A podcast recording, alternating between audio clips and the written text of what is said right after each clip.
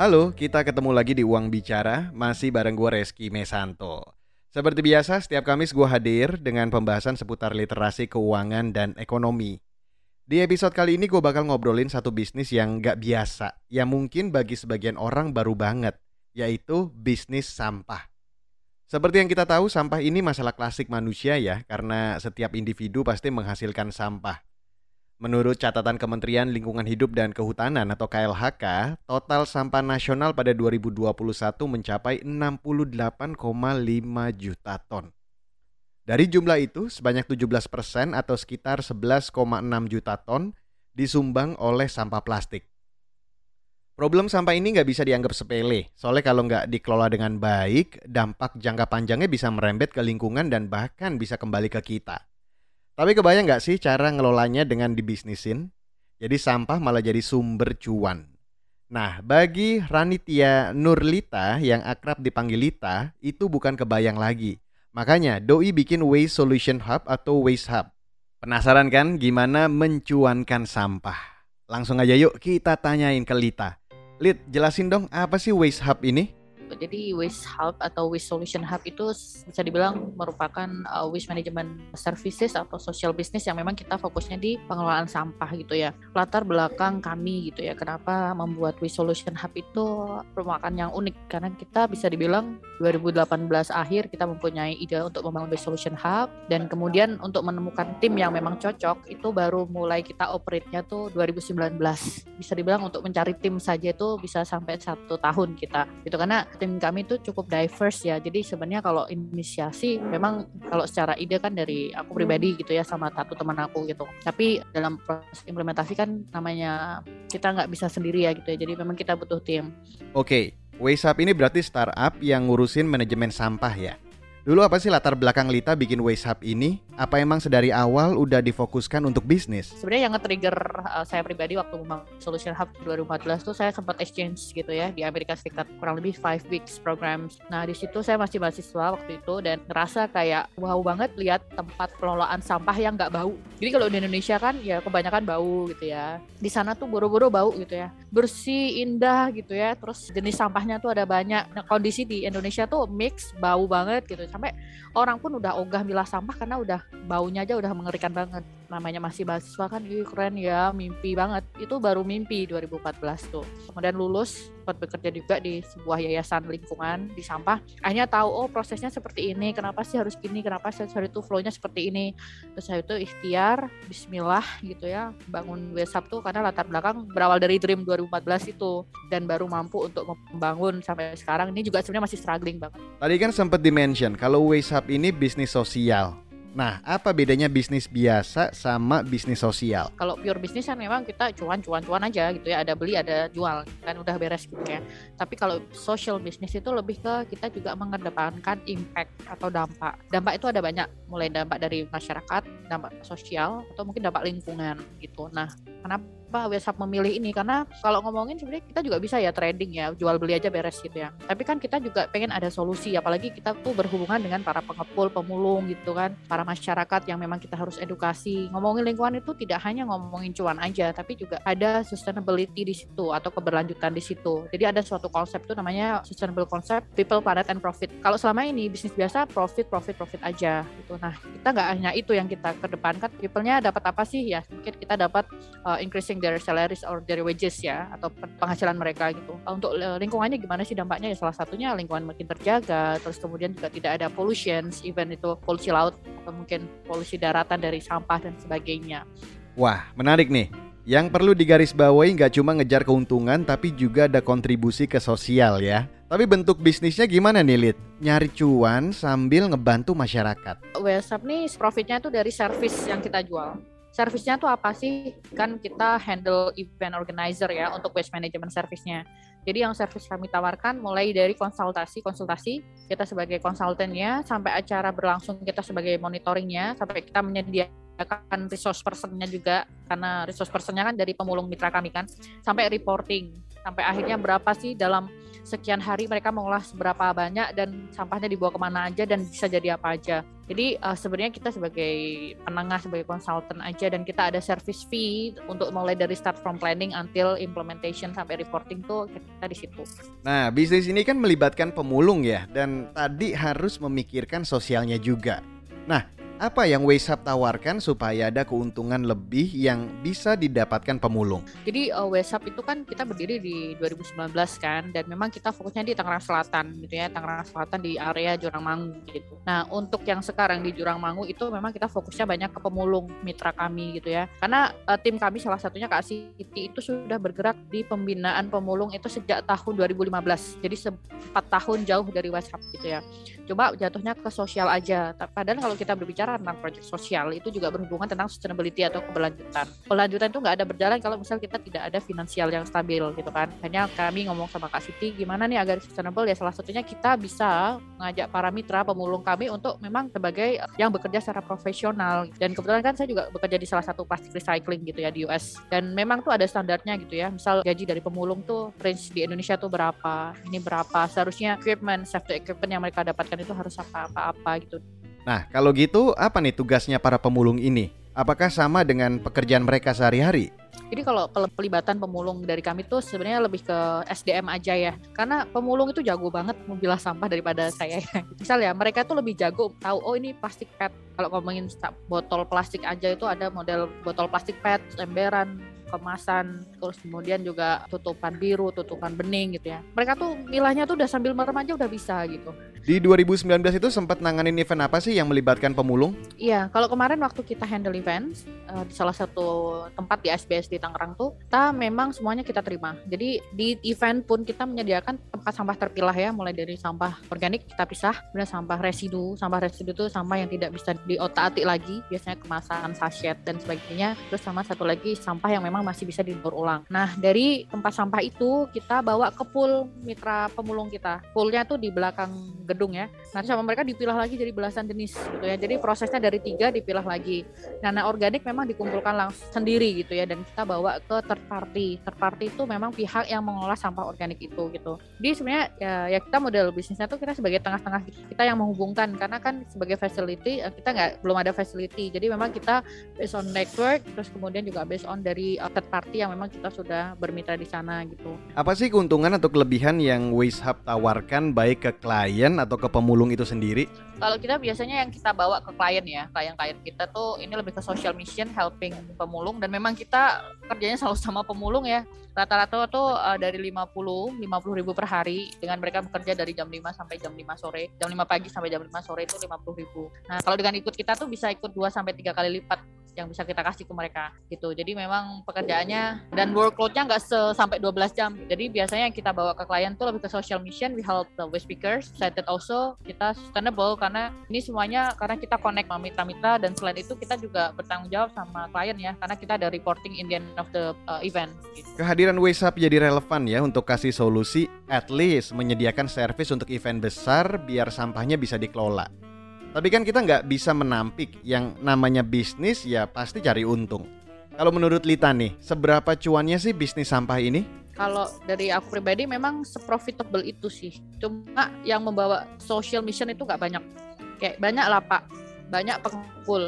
Mereka itu melakukan itu karena mereka butuh uang aja, transaksional aja gitu ya karena aku kebetulan juga bekerja di salah satu uh, perusahaan plastic recycling certifications. Ya memang mereka melakukan itu karena ada transaksional gitu ya trade-nya besar kayak plastik. Ya Indian juga nggak sampahnya mereka bakar karena for the environment mereka nggak berimpact nah bedanya WhatsApp tuh apa? Bedanya WhatsApp tuh kita nggak hanya ngomongin cuan doang tapi kita berbicara tentang ada nggak dampaknya ke masyarakat ada nggak dampaknya ke lingkungan gitu. Jadi uh, kita sangat uh, meminimalisasi dampak dari lingkungan dan masyarakat itu. Kan kebetulan banyak teman-temanku yang curhat enak ya bisnis sampah kayaknya. Ya ya emang banyak duitnya banyak gitu. Tapi kan kalau dari WhatsApp belum sampai level itu ya gitu ya. Karena kan kami masih bootstrap. Bootstrap tuh uh, kita masih pakai dana pribadi gitu ya. Kalau ngomongin trading besar tapi kalian mau dapat duit doang apa memang mau solving the problem nih aku bilang.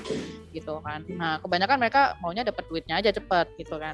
Ngomongin bisnis sampah tuh gak hanya cepet-cepetan loh tapi kita juga harus tahu kita bisa memposisikan di mana. Apakah kita sebagai pihak yang bisa mengolah sampai akhir end to end proses atau memang kita hanya sebagai di tengah-tengah aja dan pemainnya banyak gitu. Apakah kalian siap gitu? Jadi ngomongin sampah itu bukan ngomongin dapat bakal cuan gitu ya tapi juga dari bagaimana membangun relasi dan sebagainya. Oke kalau semenguntungkan itu boleh dong Lita spill. Berapa sih omset tahun lalu Oke, kalau dari omset sebenarnya kita ngomongin percentage aja sih, kan. Ini sebenarnya kayak agak sedikit dapur, tapi kita juga ngomong nggak ngomong-ngomong langsung besar gitu. Ya biasanya kita ngambil service fee dan consultation tuh depends. Biasanya deal-dealan aja 5 sampai 15 persen dari total budget yang memang mereka propose kayak gitu. Kalau ngomongin ratusan tuh belum sampai sih sebenarnya gitu ya. Yang project terbesar kami itu baru uh, dua digit aja lah gitu. Tapi ya, ya alhamdulillah gitu. Yang pasti ya karena ngomongin bisnis, ngomongin startup kan masih baru banget gitu. Dan kami memang timnya juga masih pada bekerja saja tapi kami percaya bahwa ini merupakan visi misi yang bagus untuk lingkungan dan memang orang-orang kita juga anak lingkungan semuanya ya we want to help not only people we want to help the environment juga gitu Oke, okay, itu dia Renitia Nurlita atau Lita, founder dari Waste Hub, sebuah bisnis startup yang bergerak di masalah manajemen sampah. Di bagian selanjutnya, gue bakal ngobrolin lebih jauh soal kendala pengelolaan sampah di Indonesia dan potensi bisnis sampah di masa depan. Jadi jangan ke mana-mana, tetap di Uang Bicara. Sepasang kekasih yang terpaut usia hingga 61 tahun di Subang. Ini bukan hal baru. angka pernikahan dini juga Kawin anak terus terjadi, sering kali menjadi viral, bahkan jadi bahan guyonan dalam kemasan berita yang sensasional. Seorang gadis berusia 18 tahun. Seolah ini bukan masalah. Tapi, bagaimana rasanya kawin ketika masih di usia anak? Sih perasaan saya tuh sebenarnya hancur waktu itu. Hancur. Bisa naik sekolah ya pengen banget sekolah lihat orang. Saya ajak kamu mendengar langsung suara mereka yang dikawinkan di usia anak. Ibu sama bapak tetap paksa untuk menikah. Saya tidak bisa memenuhi impian Bapak Ibu. Saya Malika, ini adalah Disclose, serial podcast investigasi dari KBR. Yang penting saya mau ningkain cita-cita Disclose, dipaksa kawin. Bisa disimak di KBR Prime, Spotify, dan aplikasi mendengarkan podcast lainnya.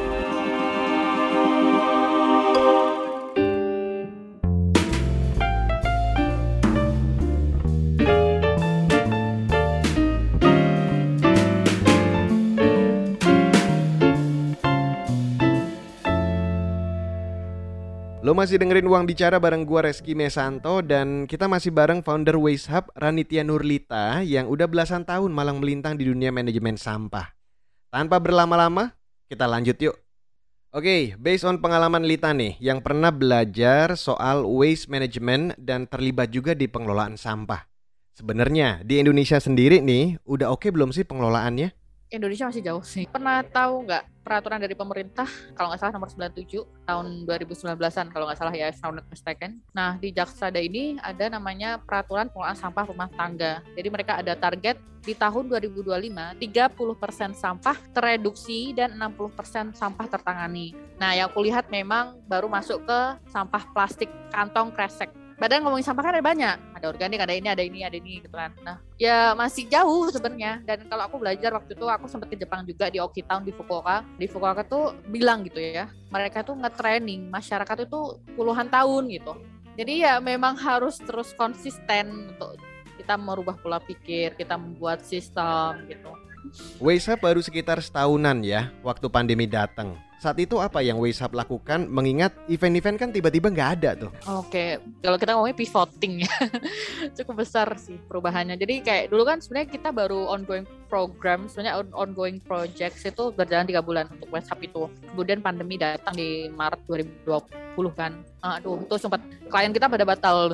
Habis itu kita mencoba model online, online workshop di online workshop tuh kayak gimana sih? Jadi kita bikin uh, online tiga hari training mulai dari pengolah sampah rumah tangga, mulai dari bagaimana ngolah sampah organik jadi kompos, kemudian uh, bagaimana ngolah organik jadi ekoenzim gitu, gimana bikin ecobrick gitu. Jadi memang sampah nggak ada sampah yang keluar gitu dari rumah gitu. Dan kita nggak yang sebagai trainers, uh, trainersnya tuh dari orang luar juga yang memang mereka sudah expert di bidang masing-masing. Kita juga nyiapin um, uh, feedback itu buat mereka ada mentoringnya juga gitu-gitu. Setelah itu kita lebih banyak pendistribusian sembako jadi kurang lebih ada sekitar kalau di total uh, eh, USD ya, ada kemarin aku itu sekitar 35 ribu dolar gitu untuk beneficiaries kurang lebih 3.600 beneficiaries. Uh, beneficiariesnya siapa aja sih pemulung. Jadi uh, kita tuh supply sembako buat mereka waktu pandemi gitu sampai akhir 2020. Adaptasi seperti apa nih yang dilakukan Waste Hub supaya tetap sustainable? Mungkin Waste Hub ini agak sedikit pivoting karena kita banyaknya sekarang di sektor pariwisata. Kita juga mulai pivoting di Indonesia Timur gitu. Dan insya Allah uh, kita kan sekarang lagi penjajakan dan juga pendekatan ke beberapa dinas di Indonesia Timur dan kemudian juga sudah dapat support gitu ya. Sekarang kita lagi nunggu aja funding gitu ya. Kita kemudian juga apply beberapa funding untuk implementasi di Indonesia Timur. Jadi kalau ngomongin bisnis sebenarnya pure bisnis nanti biasa akan banyaknya di Indonesia Timur. Kemudian untuk social missionnya kita ke mitra pemulung yang memang sudah ada di Tangerang Selatan Wah, menarik lagi nih. Wilayah Indonesia Timur. Kenapa Lita melirik ke sana? Waktu itu aku ambil tesis gitu ya di di salah satu daerah di NTT gitu kan. Terus aku ngerasa kok banyak gap gitu ya. Banyak gap tuh banyak hal yang memang kita harus bantu gitu. Karena semua orang tuh fokusnya di Jawa semua. Cepet sih emang transportasi, terus kemudian juga operasionalnya gampang, murah gitu ya. Tapi kalau kita fokusnya di Indonesia Jawa aja, ya udah roda perekonomian di Jawa aja gitu.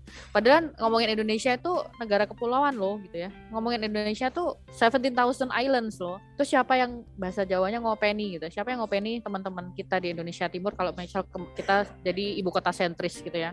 They need support but they don't, they don't know how gitu kan.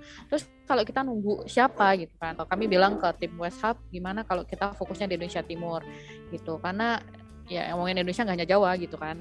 Dan sampai sekarang akhirnya kemarin sempat stakeholder analisis juga. Kita sempat nge-mapping di Indonesia Timur siapa saja pelakunya siapa yang bisa diajak kerjasama. Ya harapannya kita bisa synergize karena West Hub tuh uh, the big missions adalah dia ada hub kita adalah hub kita sebagai membantu menjejaringkan gitu karena sebenarnya udah banyak existing company sudah banyak existing organisasi atau komunitas lingkungan yang fokus di bidang lingkungan tapi mereka masih berjalan-berjalan sendiri gitu loh nah dari WhatsApp tuh kita pengennya kita membantu mereka untuk connecting each other gitu ya ada bedanya nggak skema kerjanya dengan yang sudah berjalan di Tangerang Selatan? Kalau Indonesia Timur tuh kebanyakan sih yang sekarang lagi kita menjajakan tuh biasanya di hotel, di restoran gitu kan. Terus kemudian juga di kawasan pariwisata itu juga banyak gitu ya. Terus kemudian juga di kita juga sebagai konsultan kan, kita juga bantu beberapa organisasi dinas dan sebagainya gitu.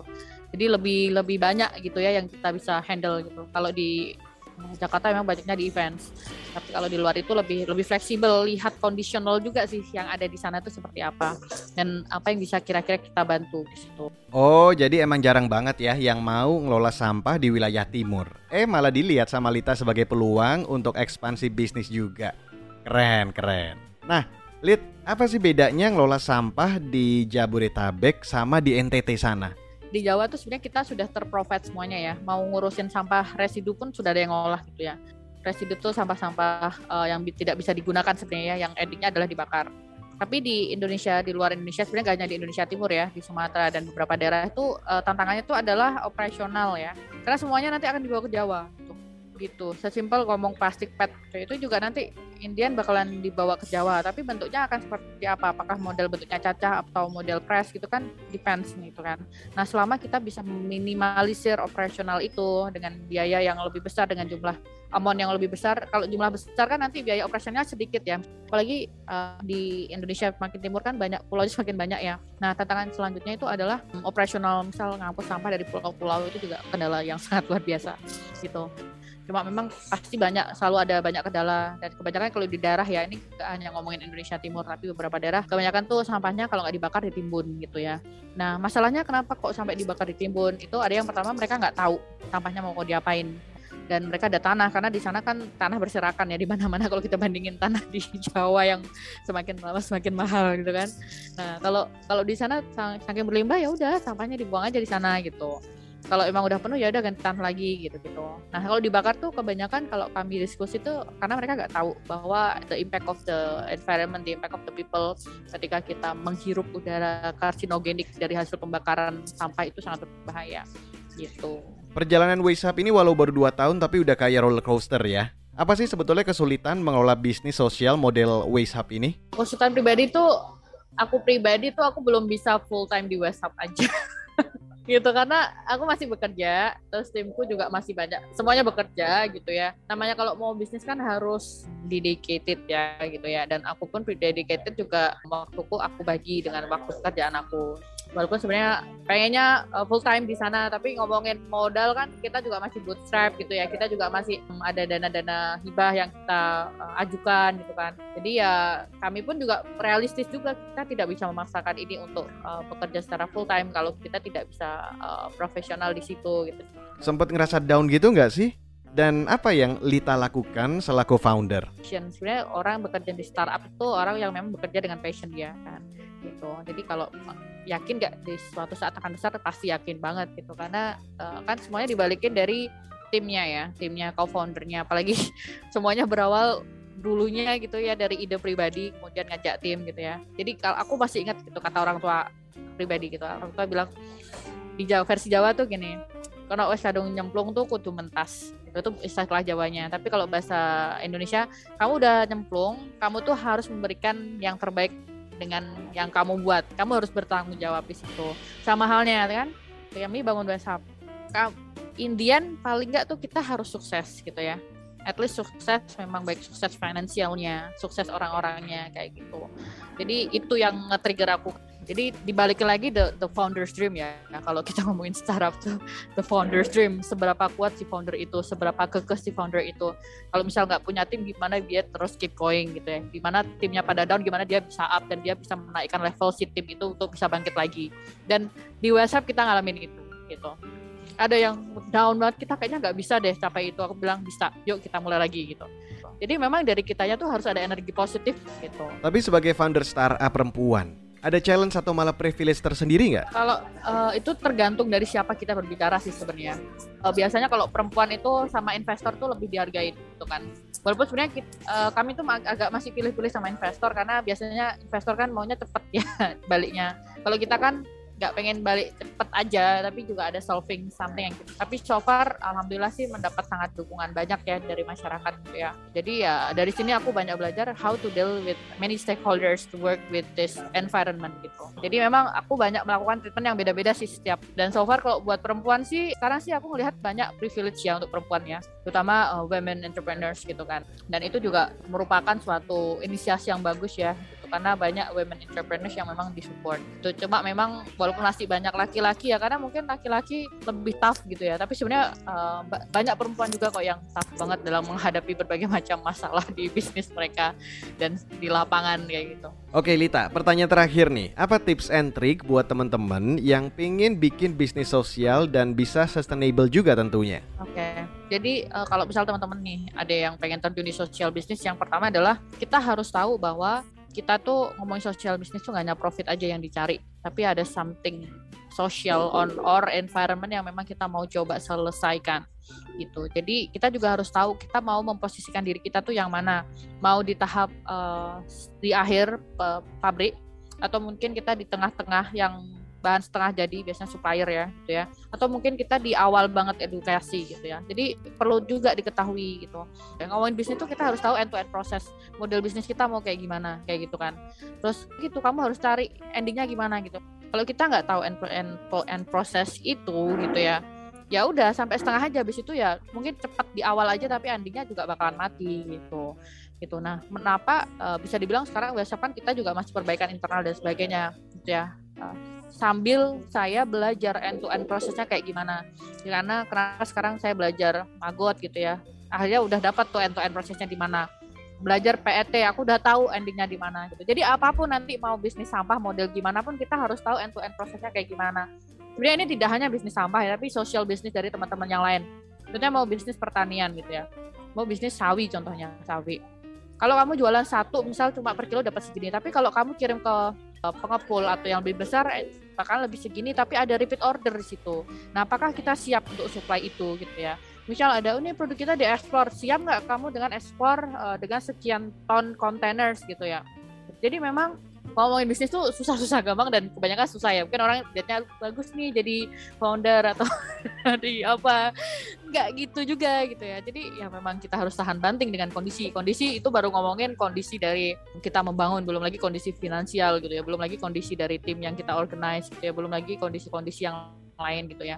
Jadi memang uh, bukan nakuti-nakuti kayak gimana, memang kita juga harus tahan banting di sana. Yang penting kita passionate gitu ya. Dan alhamdulillah West Hub gitu ya. Walaupun event uh, tim kami pada bekerja semuanya, but we are very passionate for that gitu ya. Jadi alhamdulillah banget. Oke, itu dia Ranitia Nurlita, founder dari startup bisnis sosial di bidang manajemen sampah. Dari obrolan ini kita dapat simpulkan kalau berbisnis tuh nggak cuma untuk nyari cuan, tapi juga ada kontribusi ke lingkungan. Jadinya keuntungan itu bisa dinikmati sama banyak pihak. Oke, sampai di sini dulu ya episode Uang Bicara kali ini. Kalau ada kritik, saran ataupun masukan ide-ide menarik yang pengen dibahas, langsung aja kirim email ke podcast at. Jangan lupa subjeknya Uang Bicara. Gue Reski Mesanto pamit, tetap sehat, tetap semangat, dan yang paling penting adalah tetap bahagia. Bye-bye.